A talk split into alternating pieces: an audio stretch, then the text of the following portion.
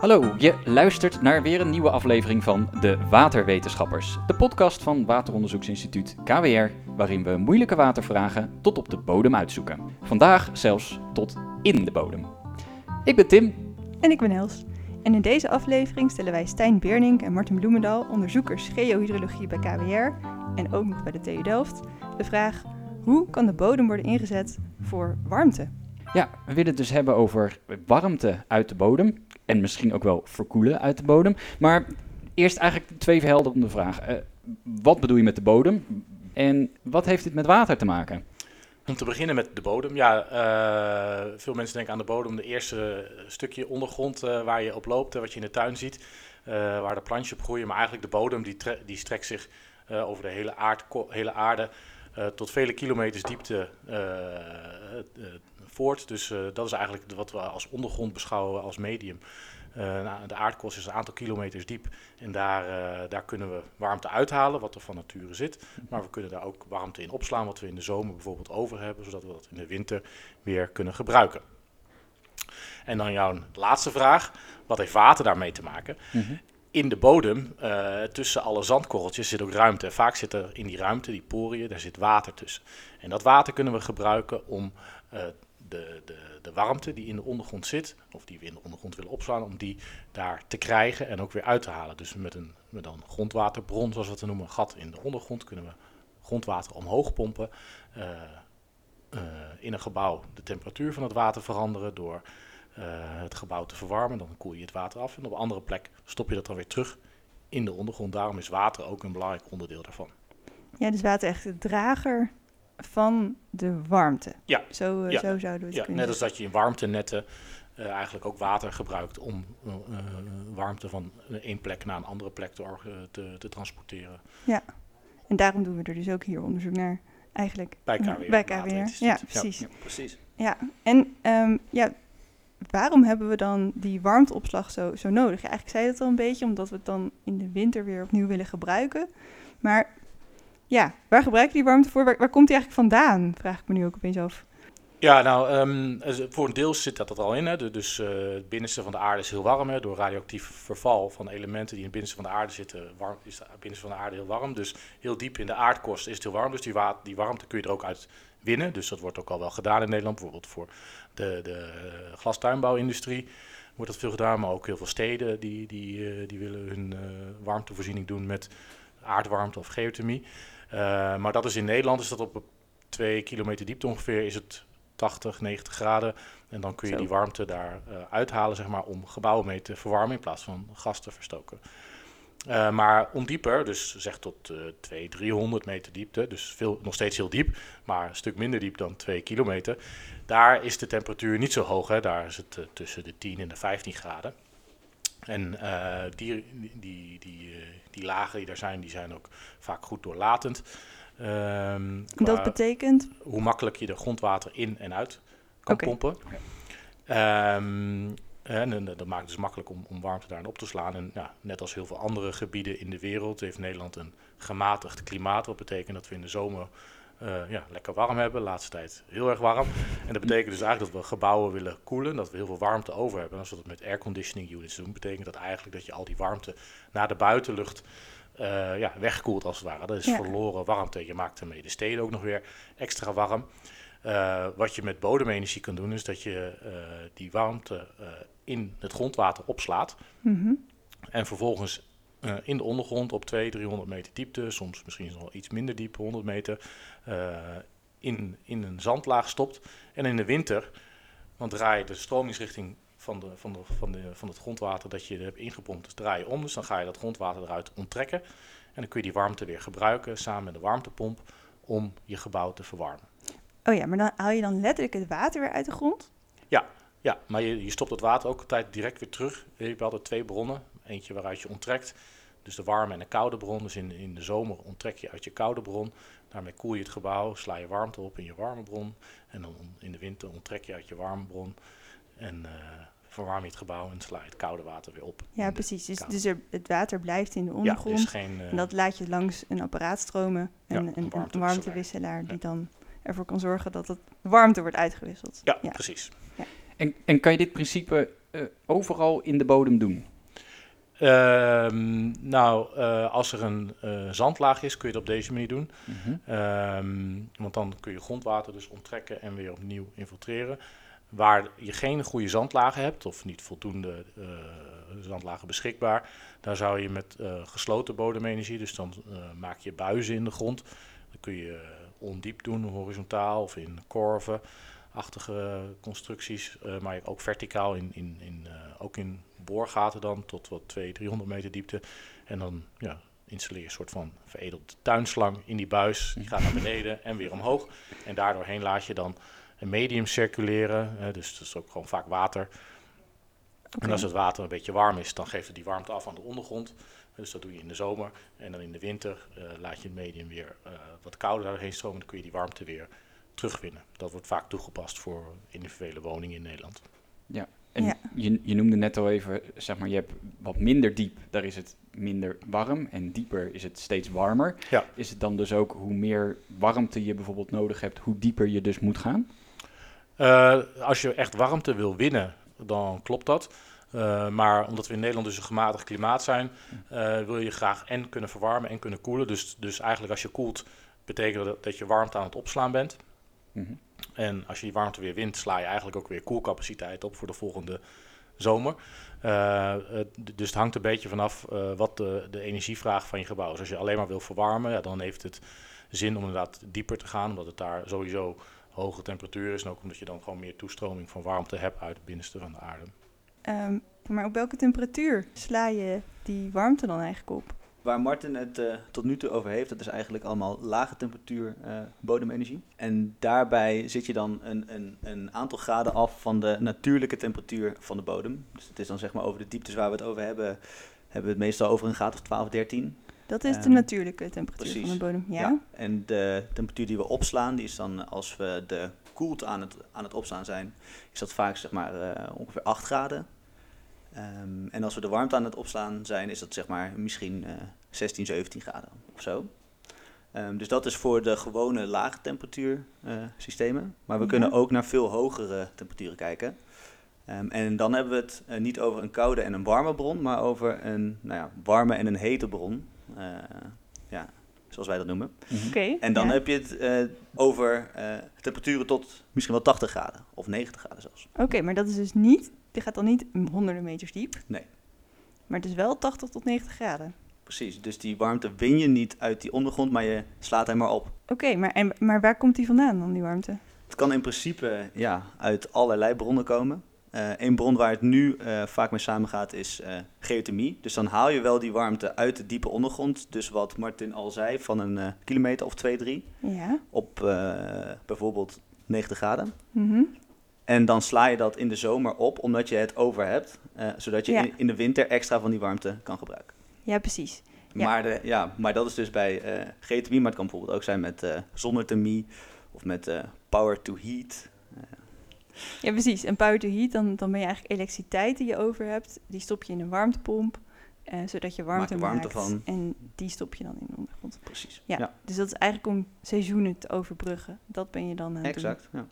Ja, maar je zou dat ook eh, veel breder in kunnen zetten voor andere. eh, wat, in, in het geval met geothermie, de combinatie, ehm, is inderdaad temperatuurniveau eh, 80, 90 graden, wat je dan in, je, in die warmteopslag opslaat. Maar het is ook op hele andere temperatuurniveaus heel veel warmte beschikbaar in de omgevingen. Met, zonnecollectoren of, of restwarmte van industrie of restwarmte van datacenters of zo. Je kan ook prima in de temperatuurrange van 50 tot 70 graden Hmm. warmte opslaan als je dat eh, tot je beschikking hebt in, eh, in de zomer. In de stedelijke omgeving heb je best wel snel al van dat soort temperaturen tot je beschikking.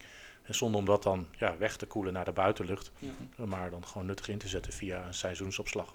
En wanneer zou je eh, zeg maar het ene systeem toepassen en wanneer zou je het, het, het andere systeem toepassen? Hè? Dus we hebben, als ik het eh, goed heb, WKO staat dus voor warmte-koude opslag en HTO staat voor Hoge temperatuuropslag. precies Of dat en noemen we dus eigenlijk ook wel vaak ondergrondse warmteopslag. ondergrondse warmteopslag. Eh, wanneer kies je voor het een en wanneer voor het ander? Of is het niet zo, zo zwart-wit?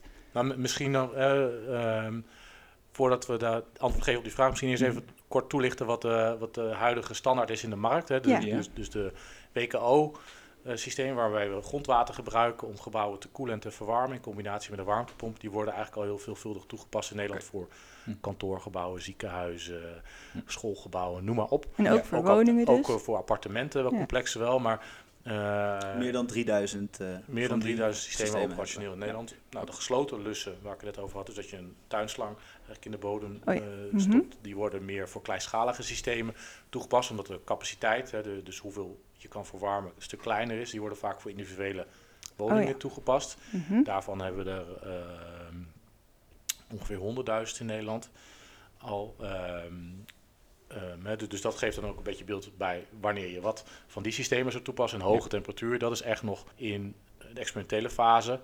Eh, daar zijn we nu echt druk bezig met onderzoek. En nou goed, Stijn ook in het kader van zijn eh, promotie kan daar wel meer over vertellen wat de goede toepassingen daarvoor zijn. Ja, wat de toepassingen daarvoor zijn, is dus eigenlijk eh, ja, dat gebruik je als je die hoge temperatuurwarmte beschikbaar hebt. En dat is dus vaak in combinatie met een warmtenet eigenlijk. Dus dat Ja. kan zijn voor de glastuinbouw, maar ook bijvoorbeeld voor de, ja, voor de gewone warmtenetten die we hebben in de steden voor huizen. Ja, oké, precies. En dat is dus nu nog echt in ontwikkeling. Ja. Ehm, maar dat, dat gaat naar verwachting dus, dus groeien, zouden jullie zeggen. Die hoge temperatuur. eh, Ja, die kans is groot, want er komen ook steeds meer warmtenetten en we willen steeds meer duurzame warmte gebruiken. En daarbij helpt de opslag ervan heel erg. Ja. Dus eh, ja, zeker. Ja, maar de vraag die natuurlijk, ik denk dat veel mensen die nu luisteren denken, hm, ja, maar verlies je niet ook best wel veel warmte als je dat in de grond stopt? En ja, hoeveel kun je er dan uiteindelijk weer uithalen? En ik kan me zo voorstellen dat als je het hoge temperatuur opslaat, dat je dan ook alweer meer verliest dan op een lage temperatuur. Ja, dat kan. Ehm, er zijn eh, verschillende processen die tot die energieverliezen kunnen leiden. Ehm, en eigenlijk is het zo dat je je systeem eh, zo goed mogelijk moet ontwerpen om die verliezen te voorkomen. Kun je iets zeggen over, eh, nou, krijg je de helft terug of kun je eigenlijk alles weer terugkrijgen eh, uit de bodem? Heb je, is er een soort van benchmark voor wat het dan is? Een soort gemiddelde? Ja, nou ja, ja. Alles dat kan eh, eigenlijk nooit. Er zijn Nee, altijd een beetje verliezen. Maar als je het hebt over hele goede systemen, dan heb je het misschien wel over twee derde tot eh 80 procent die je er weer uit kan halen na een half jaar opslag. Oké, en dat ja. gaat dan over de hoge temperatuur of over de lage temperatuur? Dat is al bij hoge temperatuur. Dat is bij hoge Ja. temperatuur. Ja. Nou, dat is best veel. En met die lage temperatuur is dat dan vergelijkbaar? Of, eh, ehm, Normaal gezien Hmm. eh, wel hoger eigenlijk. Hè. Het is een beetje lastig eh, te kwantificeren, omdat er nooit heel, heel uitgebreid aan gemonitord is. Maar qua simulaties inderdaad, orde grote gelijke terugwinpercentages, eh vaak nog wel iets hoger. Ehm, onderaan de streep, Ehm, omdat je met die lage temperatuursysteem met warmtepomp, eh, aan de ene kant heb je de koude bron, daarmee koel je de bodem eigenlijk een beetje af ten opzichte van de natuurlijke temperatuur Ja. in de warme bron. Eh, dus aan beide kanten verlies je wat. Eigenlijk bij de koude bron win je wat warmte. Hè. Ja. Het wordt iets warmer dan, dan de- dat je had opgeslagen. Dus dat verheft elkaar eigenlijk een beetje op die verliezen die je aan beide hebt. Dus, dus net over verwarmen of koel je de bodem niet af. En bij de hoge temperatuursystemen, daar zorg je eigenlijk dat je netto opwarming hebt van de ondergrond. Omdat zowel je hete als je warme bron zijn allebei ehm, eh, wat hoger in temperatuur dan de, de achtergrondtemperatuur, de natuurlijke omstandigheden. En de reden waarom je warme bron of je, je, je, je koude bron, zeg maar tussen aanhalingstekens, Mhm. eh, bij je hoge temperatuuropslagsysteem, waarom die ook warmer is dan je achtergrondtemperatuur, heeft te maken gewoon omdat ja, je verwarmt met 90 graden een warmtenet in of een, eh, een proces in. En de- als die warmte wordt afgegeven, komt dat vaak niet kouder terug dan zeg 40, 50 of soms 30 graden. Dus ja, dat, Mhm. dat is dan wat dan weer je andere bron Ja, ingaat, zodat je het half jaar later weer kan opwarmen om warmte op te slaan. Dus daarom ehm, is bij een HTO, zeg maar, de hoogtemperatuuropslagsystemen, zijn beide bronnen verliezen warmte naar de omgeving. En is dat eigenlijk nog een probleem voor, voor die omgeving of voor die bodem, als het zo warm wordt? Ja, er zijn allemaal eh, zaken die er kunnen gebeuren. Je hebt eh, chemische processen die anders worden bij een hoge temperatuur. Er zijn eh, microbiologische veranderingen. Maar goed, de vraag of dat uiteindelijk erg is, Ja, dat, ligt is, eraan dat wat er nog meer in die ondergrond zit. Ja. Als je dit doet op een plek waar er ja, eigenlijk voor de rest helemaal geen belangen zijn, dan maakt het niet zoveel uit. Als jouw eh, systeem maar gewoon, eh, ondanks die eh, veranderingen, goed blijft werken, dan maakt het eigenlijk niet zoveel uit. Dus dat ligt er heel erg aan. Ja, Ja, dus dat is wel iets om naar te kijken voordat je zo'n systeem... zeker, zeker. maakt. Ja, Ja. ja. Het gaat niet alleen om, om eh, wat er nu aan belangen zit, maar ook wat in de toekomst aan belangen kunnen komen natuurlijk. Hè. Dus, mm, dus dat is iets waar we wel eh, naar kijken. Ook, hè, zowel ook bij de gesloten eh, systemen met de tuinslang als de, de laagtemperatuursystemen als de hoogtemperatuursystemen. ehm, kijken we gewoon wat de effecten daarvan zijn. Ehm, en eh, waar zo'n systeem wordt vergund door een bevoegd gezag, de gemeente of de provincie, wordt natuurlijk altijd een, afweging gemaakt in, in verschillende belangen. Ehm, en in hoeverre die eh, nu of in de toekomst van toekomstige gebruikers geschaad eh, kunnen worden. Dus dat is iets wat, wat een belangrijk onderdeel is van het werk dat we hier doen op KWR. Om dat eh, in beeld te brengen. Dus niet alleen van hoe kunnen we nou die bodems zo efficiënt mogelijk inzetten voor de energietransitie, maar daarmee ook zorgen dat we niet daarmee andere belangen nu en in de toekomst eh, lastig maken. ja. En hoeveel, hoeveel ruimte neemt zo'n systeem überhaupt in? Wat je er eh, aan de bovengrond eh, aan ziet, is heel weinig. Dat zijn zeg maar twee eh putdekseltjes. Eh, dus dat is een eh, paar eh, vierkante meter. In de ondergrond gaat het wel echt over, over hele grote eh, eh, eh, volumes, zeg maar. Dus daar hebben we het dan vaak over een eh, laag van misschien wel 30, 40, 50 meter dikte. Dus dat is ja, echt wel vrij hoog. En als we daar dan bijvoorbeeld eh 500.000 kuub eh, in een jaar instoppen, dan heb je het zomaar over thermische stralen ehm, van 100 meter, 150 meter. En wel een thermische straal, dat is dan zeg maar... Dat is we, zeg hebben, dus- maar, we hebben de put en dan hebben we hoe die warmte zeg maar, zich door de bodem heen precies. Dus als je daarin water gaat opslaan, dan krijg je een eh, ja, soort van cirkel die zich om die put heen... Ja, een bel eh, eigenlijk. Precies, en een, een, soort van bel die eigenlijk steeds groter wordt tijdens dat opslaan. Ehm, en die straal van die bel die kan dan dus wel eh, soms eh, ja, 100 meter worden of Ja, en, en, en misschien wel groot. Ja, dan Ja. voor, hè, qua orde grootte wat dat dan... Eh, Stijn noemde het net het getal 500.000 kub. Ja, Eh, wat dat is is- dat? Eh, dat, is, eh, dat is voor eh, als je een beetje warmtenet hebt eh, in, in, een- stad als Amsterdam of Den Haag, is dat een, een relatief eh, ja, gangbaar getal wat, we, wat we langs zien komen om, om seizoensmatig te bufferen in, in zo'n warmtenet, zeg maar. Hm. En, en eh, 500.000 eh, is misschien nog steeds heel erg eh, eh, lastig. Lastig voor te stellen, maar ja. goed, een, eh, een Olympisch zwembad, Ja, precies. Het helpt een beetje. 2500 kub. Oké, dus dan, dan heb je het over eh 20 20. Olympische Ja. zwembaden. Wat je dan ergens in de stad zou moeten inpassen als je dat, zel- diezelfde hoeveelheid warmte in een tank bovengronds Ja, ergens precies. bijvoorbeeld Ja. zou willen opslaan. Sommige mensen, als je wel eens tussen Amsterdam en Almere reist, dan zie je daar zo'n hele grote thermosfles naast de Diemen warmtekrachtcentrale van Amsterdam staan. Nou, die is 22.000 kub, hè, dus 22 miljoen eh, liter. Om een beetje orde grootte te geven, dat je met de ondergrond biedt gewoon heel veel ruimte. Die, die lagen Ja. die zijn daar gewoon. Ja. En die ruimte kunnen we gewoon gebruiken om warmte op te slaan. We noemden het al heel eventjes eh, eh, kort eigenlijk, de energietransitie. En ik denk dat dat ook wel het antwoord is op onze, op, op, op onze laatste vraag. Van hoe belangrijk denken jullie dat eh, de warmteopslag gaat zijn voor de, voor de toekomst? Eh, ja, uiteindelijk, eh, zowel bij de elektriciteitsvoorziening zie je dat opslag cruciaal is. Hm. En dat gaat voor de warmtetransitie niet anders zijn. Uiteindelijk, er is heel veel warmte beschikbaar eh, voor alle gebouwen en processen die we, die we willen verwarmen. Het is alleen een kwestie van op de juiste plek en op het juiste moment eh, zien te krijgen. Hetzelfde met stroom. Nou, eh, beide ongeveer de helft van, van wat we aan energie nodig hebben, stroom en warmte. Dus die warmteopslag die gaat een, een cruciale rol spelen in het verduurzamen van, van de gebouwde omgeving en, en ook de industrie.